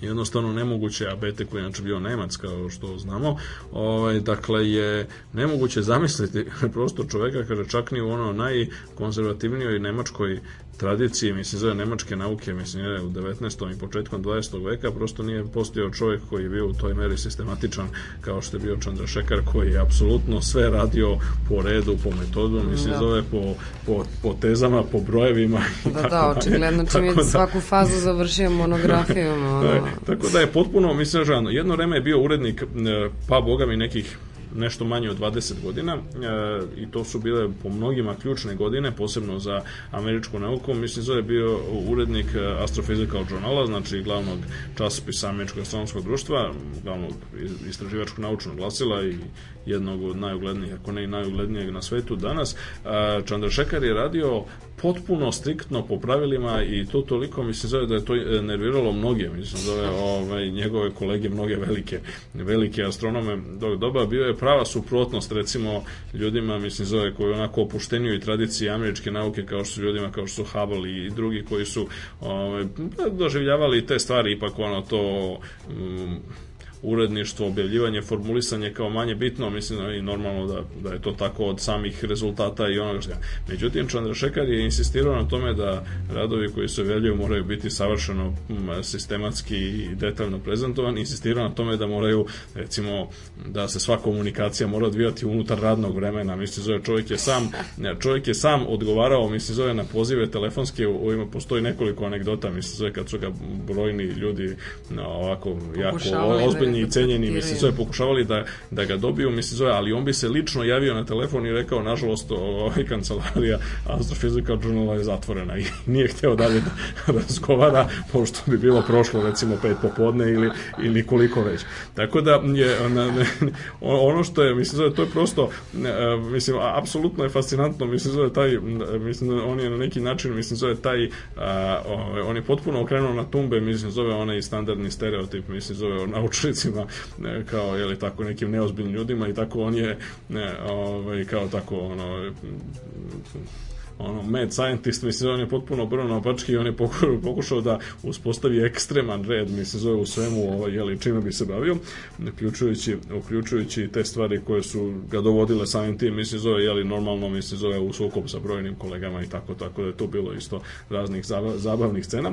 A, ono što je zanimljivo jeste da on slično kao, mislim, zove, to je ono što su ljudi kasnije primećivali, znači on je imao, on, on je u tim stvarima kasnije kada je već postao veliki e, i on je, on je mnogo podsjećao na Eddingtona jeli, kad je iz njegove mladosti jeli, kad, to jest isto imao tu tendenciju ka autoritarnom ono hijerarhijskom ovaj, strogo, strogom ovaj, rukovođenju mislim zove bilo čim.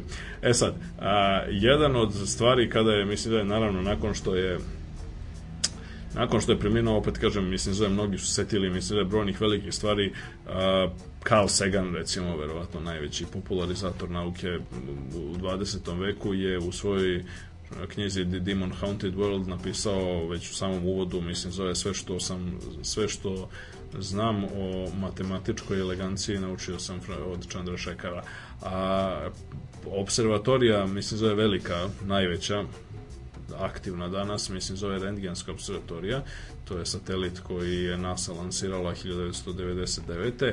i koji e, posmatra nebo u rentgenskim zracima, znači pre svega u domenu ekstremnih objekata kao što su beli patuljci, neutronske zvezde i crne rupe, a, je, za, je nazvan po njegovom imenu Chandra X-ray mm -hmm. observatory, znači to je i dan danas predstavlja jedan od najvažnijih najvažnijih uređaja današnjice. Ima čitav niz stvari drugih koje su nazvane po njemu, uključujući, mislim, zove neki jedan asteroid, ne znam, kratere na mesecu, tamo neke konstante u, u, u magnetnoj hidrodinamici i tako čitav niz još nekih zabavnih stvari ovaj, koje su nazvane po njemu.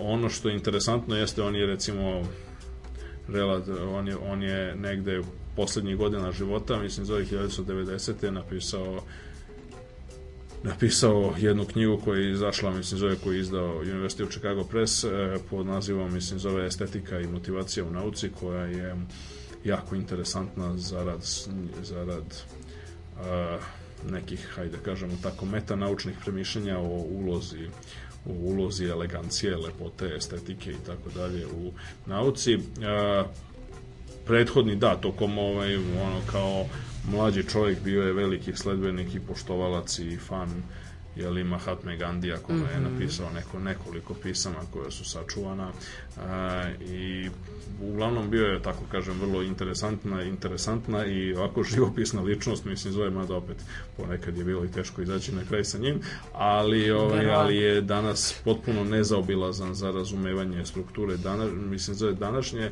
znači e, savremene astrofizike a i prirodnih nauka generalno, pošto je čovjek jedan bio od e, e, sledbenika te e, stare i žive, a opet mislim do nekle i underground tradicije mislim koja insistira na tome da je da je, da je lepota, mislim zove i elegancija, mislim zove načina na koji će stvari biti izraženi u onom platonističkom matematičkom smislu jedan od glavnih i najvažnijih kriterijuma istine u nauci. Mm -hmm. I ja ću samo podsjetiti da na stranici na našem sajtu poslednje emisije ove imate fotografiju čisto vizualno eto da možete malo da dočarate kako izgleda proces koji je od ključnog značaja za razumevanje Čandaršekanove granice, to prilivanje mase sa normalne zvezde na belog patuljka, to Jeste, zanimljivo koje smo, izgleda. Koje, koje smo u posljednje vreme posmatrali brojnim teleskopima, uključujući upravo i, I pomenuti, ovaj, pomenuti Chandra X-ray observatoriju. Je.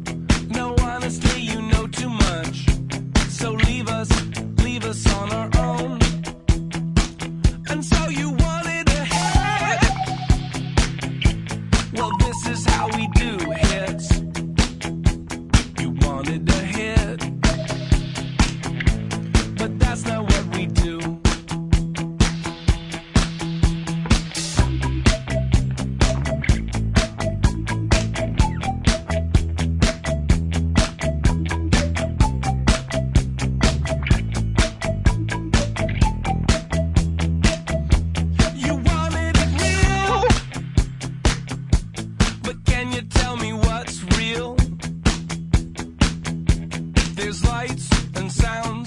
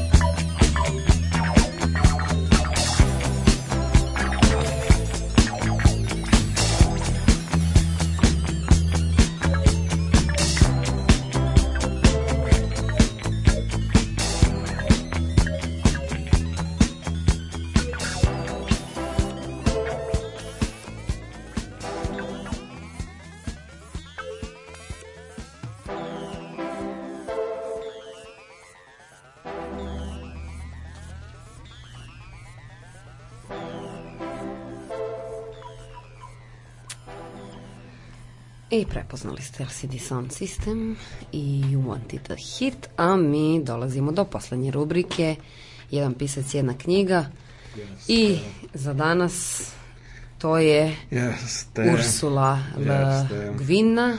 Jeste. Uh, ok, to je, mislim, zove možda, eto, neki bi rekli, mislim, zove Aha. oda- odavno je ovo je bilo vreme da pomenemo u Radio Galaksiji i jednu od najvećih živih spisateljica, Ursulu Kreber Legvin, uh, punim imenom. Znači, ona je rođena davne 1929. godine, još je ovaj, živahna, bakica dosta aktivna, učestvuje u raznim dešavanjima. Prošle godine se povukla uz mnogo, napravivši mnogo buke iz jeli, društva pisaca, ovaj, američko društvo pisaca zbog protivljenja, mislim, zove, znači, Googleovom projektu digitalizacije e, digitalizacije knjiga sa kojim je društvo pisaca potpisalo neki sporazum i on tom prilikom je bila velika debata oko kopirajta, korporativnih autorskih prava, autorskih prava autora i, I slično. stvari. Dakle, ona je i dalje aktivna, mislim, zove, dakle, inače, žena je pisala, mislim, zove mnogo ovaj, romana, priča, poezije, knjiga za decu, eseja i tako dalje, najviše u žanrovima e, naučne fantastike i epske fantastike, da ne kažem fantazija, znači, počela je da objavljuje 1060, tokom 60. godina, premda je i mnogo ranije, mislim, zove još sa 12 godina je, je prvi put pokušala da nešto objavi bez uspeha, inače njen otac je e, slavni antropolog Alfred Kreber e, i Alfred Kreber je bio jedan od pionira, hajde da kažemo, savremene antropologije. E, Čovjek je, mislim, zove, bio, radio i, i, u, i, i na terenu, što bi se reklo, mislim, zove i u teoriji.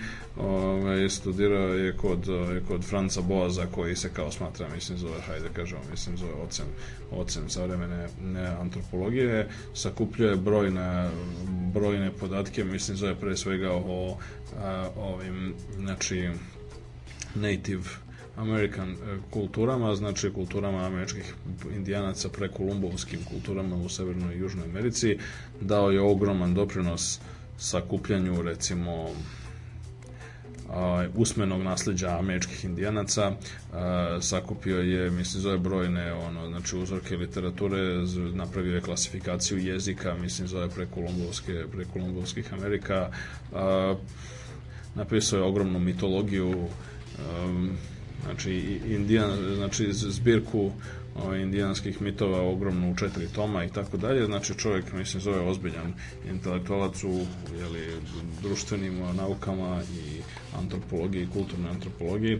A, njegova čerka je znači, znači Ursula Legvin je e, studirala na Univerzitetu Kolumbija i Dakle, ovaj, otud, e, kao što sama kaže, mislim, zove u više navrata, u više intervjua i više, mislim, zove eseja koji se tiču personalnih a, stvari, ona je postala zainteresovana za društvene nauke, kažem, eto, u tom okruženju od svog oca još u ranom detinstvu i kao posledica toga, mislim, zove njena dela više nego, mislim, zove većine, dela većine klasika, što bi se reklo, naučne fantastike odišu dubokim razumevanjem problema koji se, koji se tiču, znači, evolucije društva, sociologije i slično. E, prva zvanično objavljeno delo je, je objavila 1961. a u e, međutim da možemo reći da je zaista onako kako bi se reklo breakthrough, odnosno pravi proboj na veliku scenu je postigla romanom Leva ruka tame objavljenom 1969. Dakle, O, nakon toga, ona je u tom romanu ona je udarila temelj nečemu što je se inače kasnije naziva po, hajde da kažemo, glavnoj planeti, mislim, zove njenog univerzuma, Hainski ciklus, a, koja je, u kojoj pripada čitava, čitav niz docnih romana, kao što su Svet se kaže šuma, Rokanano svet, i drugi, Planeta izgnanstva, Grad iluzije i, i drugi.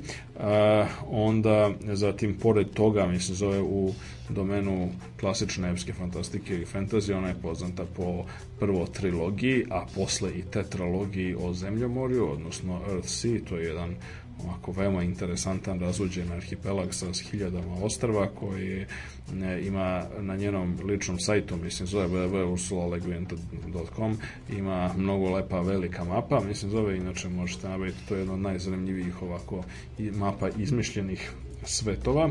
A, inače, RC tetralogija koja je nastala krajem 60. i početkom 70. godina je jedna od ove najpopularnijih, ajde da kažemo, najpopularnijih fantasy ciklusa a, u tom nekom, ajde da kažemo, post ovaj, Tolkienovskom svetu. Evo mape na i- Facebook grupi. Eto, eto i, ne, i u svakom slučaju, dakle, ono što je interesantno da se Ursula Le Guin, pored mnogih drugih stvari, mislim, zove bavila se recimo prevođenjem sa a, sa španskog i kineskog. Između ostalog prevela Lao Cea, pošto je imala ceo život veliko interesovanje za taoizam i prevela je, mislim, zove Lao Cea u čuvenu knjigu Tao Te Ching, odnosno knjigu puta, mislim, zove je prevela i objavila na, na engleskom 1997. i tako uglavnom mislim zove žena ekstremno velike energije i entuzijazma poznata i kao feministkinja u feminističkim krugovima mislim zove veoma angažovana i sve u svemu mislim zove apsolutno možemo preporučiti njena dela mi smo prilično srećni što ima e, veliki broj njenih knjiga postoji u prevodu na srpski, čak je bila i jedan jedna edicija koju su, ako se ne varam, objavile Dečje novine iz Gornjeg Milanovca svoje vremeno, koja je bila njenih izabranih dela u šest tomova, koja je bila jako interesantna i i veoma, veoma dobro organizovana, a pored toga, mislim, zove po neke stvari koje nisu se našle u tom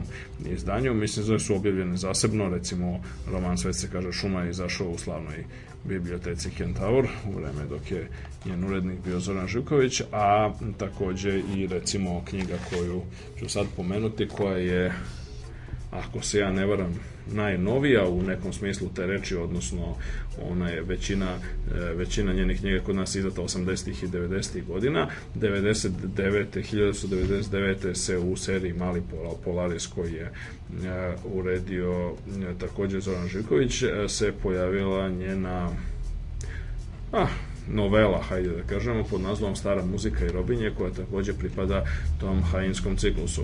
Osnovna tema ovog ovog kratkog romana ili duže pripovetke ili novele, kako god, negde je ona koja inače je na neki način jedna od njenih ovako obsesivnih tema, a, koja se na neki način možda može i trasirati unazad, mislim, zove od interesovanja njenog oca za prekolumbovske kulture, jeste pitanje susreta različitih civilizacija i pitanje je, mislim, zove na koji način dolazi do onoga što bi recimo Oswald Spengler nazvao pseudomorfozom, odnosno na koji način, mislim, zove jedna kultura preuzima neke odlike druge. I sad u najboljim namerama, u, u, znači u kontekstu, mislim, zove e, njenog hajinskog ciklusa, ona to vrlo često prikazuje, zato što prikazuje e, tu najnapredniju, hajde da kažemo, najnapredniju vrstu ljudi, mislim, zove u mnogim pogledima, pre svega u, e, u, u pogledu i a, tehnologije, odnosno moći nad prirodom, a i u pogledu društvene organizacije. To su hajinci koji su a, na neki način a, pokušavaju, mislim, zove da ostvare što je manje, što je moguće manji upliv, mislim, zove na bilo koje kulture sa kojima dolaze u kontakt, ali im to obično ne uspeva. I sad vrlo često to ima onako čudne posledice koje mogu biti i tragične. A, u ovom romanu se opisuje znači sudbina hajinskog ambasadora, čoveka koji je dospeo na znači na iz jedne, do, do, dolazi iz jedne veoma prosvetljene, mislim zove, znači kulture u kojoj se o pravima ne samo ljudi, nego inteligentnog života uopšte govori, misli i ceni, znači koja se cene na najviše mogući način, dolazi u kontakt sa kulturom u kojoj robovlasništvo ekstremno dugo utemeljeno i predstavlja normativni i potpuno normalni način način organizovanja društvenih odnosa, bukvalno onako otprilike kako je prepisano, kako je bilo prepisano recimo iz Aristotelove, recimo iz Aristotelove politike ili, ili drugih recimo antičkih spisa koji su smatrali da je robovlasništvo jednostavno nešto što je Bogom Ok. dano, Bogom dano neminovno i nešto što jednostavno predstavlja prirodni poredak stvari i da zapravo buniti se protiv toga mislim zove znači narušavati nešto, narušavati prirodni poredak stvari. I ne, u tom kontekstu, znači, taj zaplet tu koji na neki način, kao što možemo i pretpostaviti, nema neku vrstu jednoznačnog i jasnog rešenja, a, je međutim iz, izraz odražava se u dubokoj ličnoj drami tog čoveka i još nekih sa kojima on dolazi u kontakt. Mislim, zove sjajna jedna novela ovako i, i, i bukvalno i, i, kada, i, i metaforički govoreći koju svesredno preporučujemo za sam kraj, evo, sam početak, znači stara muzika i robinje, Ursula Legvin u prevodu doktora Aleksandra Nedeljkovića.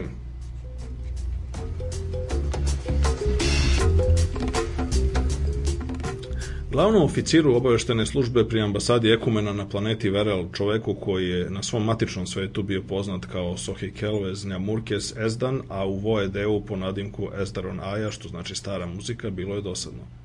Bilo je potrebno da izbije građanski rat i da proteknu još tri godine da bi njemu postalo dosadno, ali konačno je došao do tačke gde u svojim izveštajima koje je slao stabilima na Hajnu opisivao sebe kao glavnog oficira službe za glupost. Kad je legitimna vlada opkolila i potpuno izolovala zgradu ambasade nastojeći da preseče pristizanje i slanje informacija, on je ipak uspeo da zadrži nekoliko tajnih veza sa prijateljima u slobodnom gradu. Dođe i treće ratno leto. Ezdan istupi pred ambasadora sa jednim zahtevom. Pošto više nije imala pouzdane komunikacije sa ambasadom, oslobodilačka komanda ga je zamolila, kako, upita ambasador, preko jednog od ljudi koji donose u ambasadu robu iz gradskih piljarnica, objasni Ezdan, da vidi može li udesiti da jedan ili dva čoveka iz osoblja ambasade prođu krišom kroz blokade da bi razgovarali s oslobodiocima, da bi bili viđeni na oslobodilačkoj strani i time pokazali da uprkos propagandi i dezinformacijama i uprkos činjenici da je ambasada zaglibljena i da niko dodatle ne može, pripadnici te ambasade nisu stali na stranu legitimne vlasti, nego da su i sad neutralni i spremni da sklapaju sporazume sa onima koji su stvarno na vlasti i na jednoj i na drugoj strani. Nije bitno, reče ambasador, nego kako stići tamo. Eh, to je uvijek problem sa utopijom, odgovori Jezdan. Pa eto, mogu se provući sa kontakt s očevima ako niko ne zagleda pažljivo.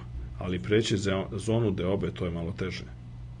Jer glavnina velikog grada bila i sad fizički tu, državne zgrade, fabrike, magacini, univerzitet, turističke znamenitosti, veliko svetilište Tualino, ulica pozorišta, stara tržnica sa svojim zanimljivim izložbenim salama i veličanstvenom salom za aukcije, neupotrebljavanom od kad se ljudska imovina prodaje i iznajmljuje na elektronskom tržištu. Bezbrojne ulice i bulevari, prašljavi parkovi i u hladu beja drveća, purpurnih cvetova, kilometri i kilometri prodavnica, šupa, radionica, šina, stanica, stambenih zgrada, kuća, mesnih zajednica, predgrađa. Većina toga stajala i sad, baš kao što i većina od 15 miliona stanovnika ostala u gradu, ali je nestalo od duboke složenosti grada. Vede su bile pokidane. Među dejstva se nisu dešavala. Kao mozak posle moždanog udara.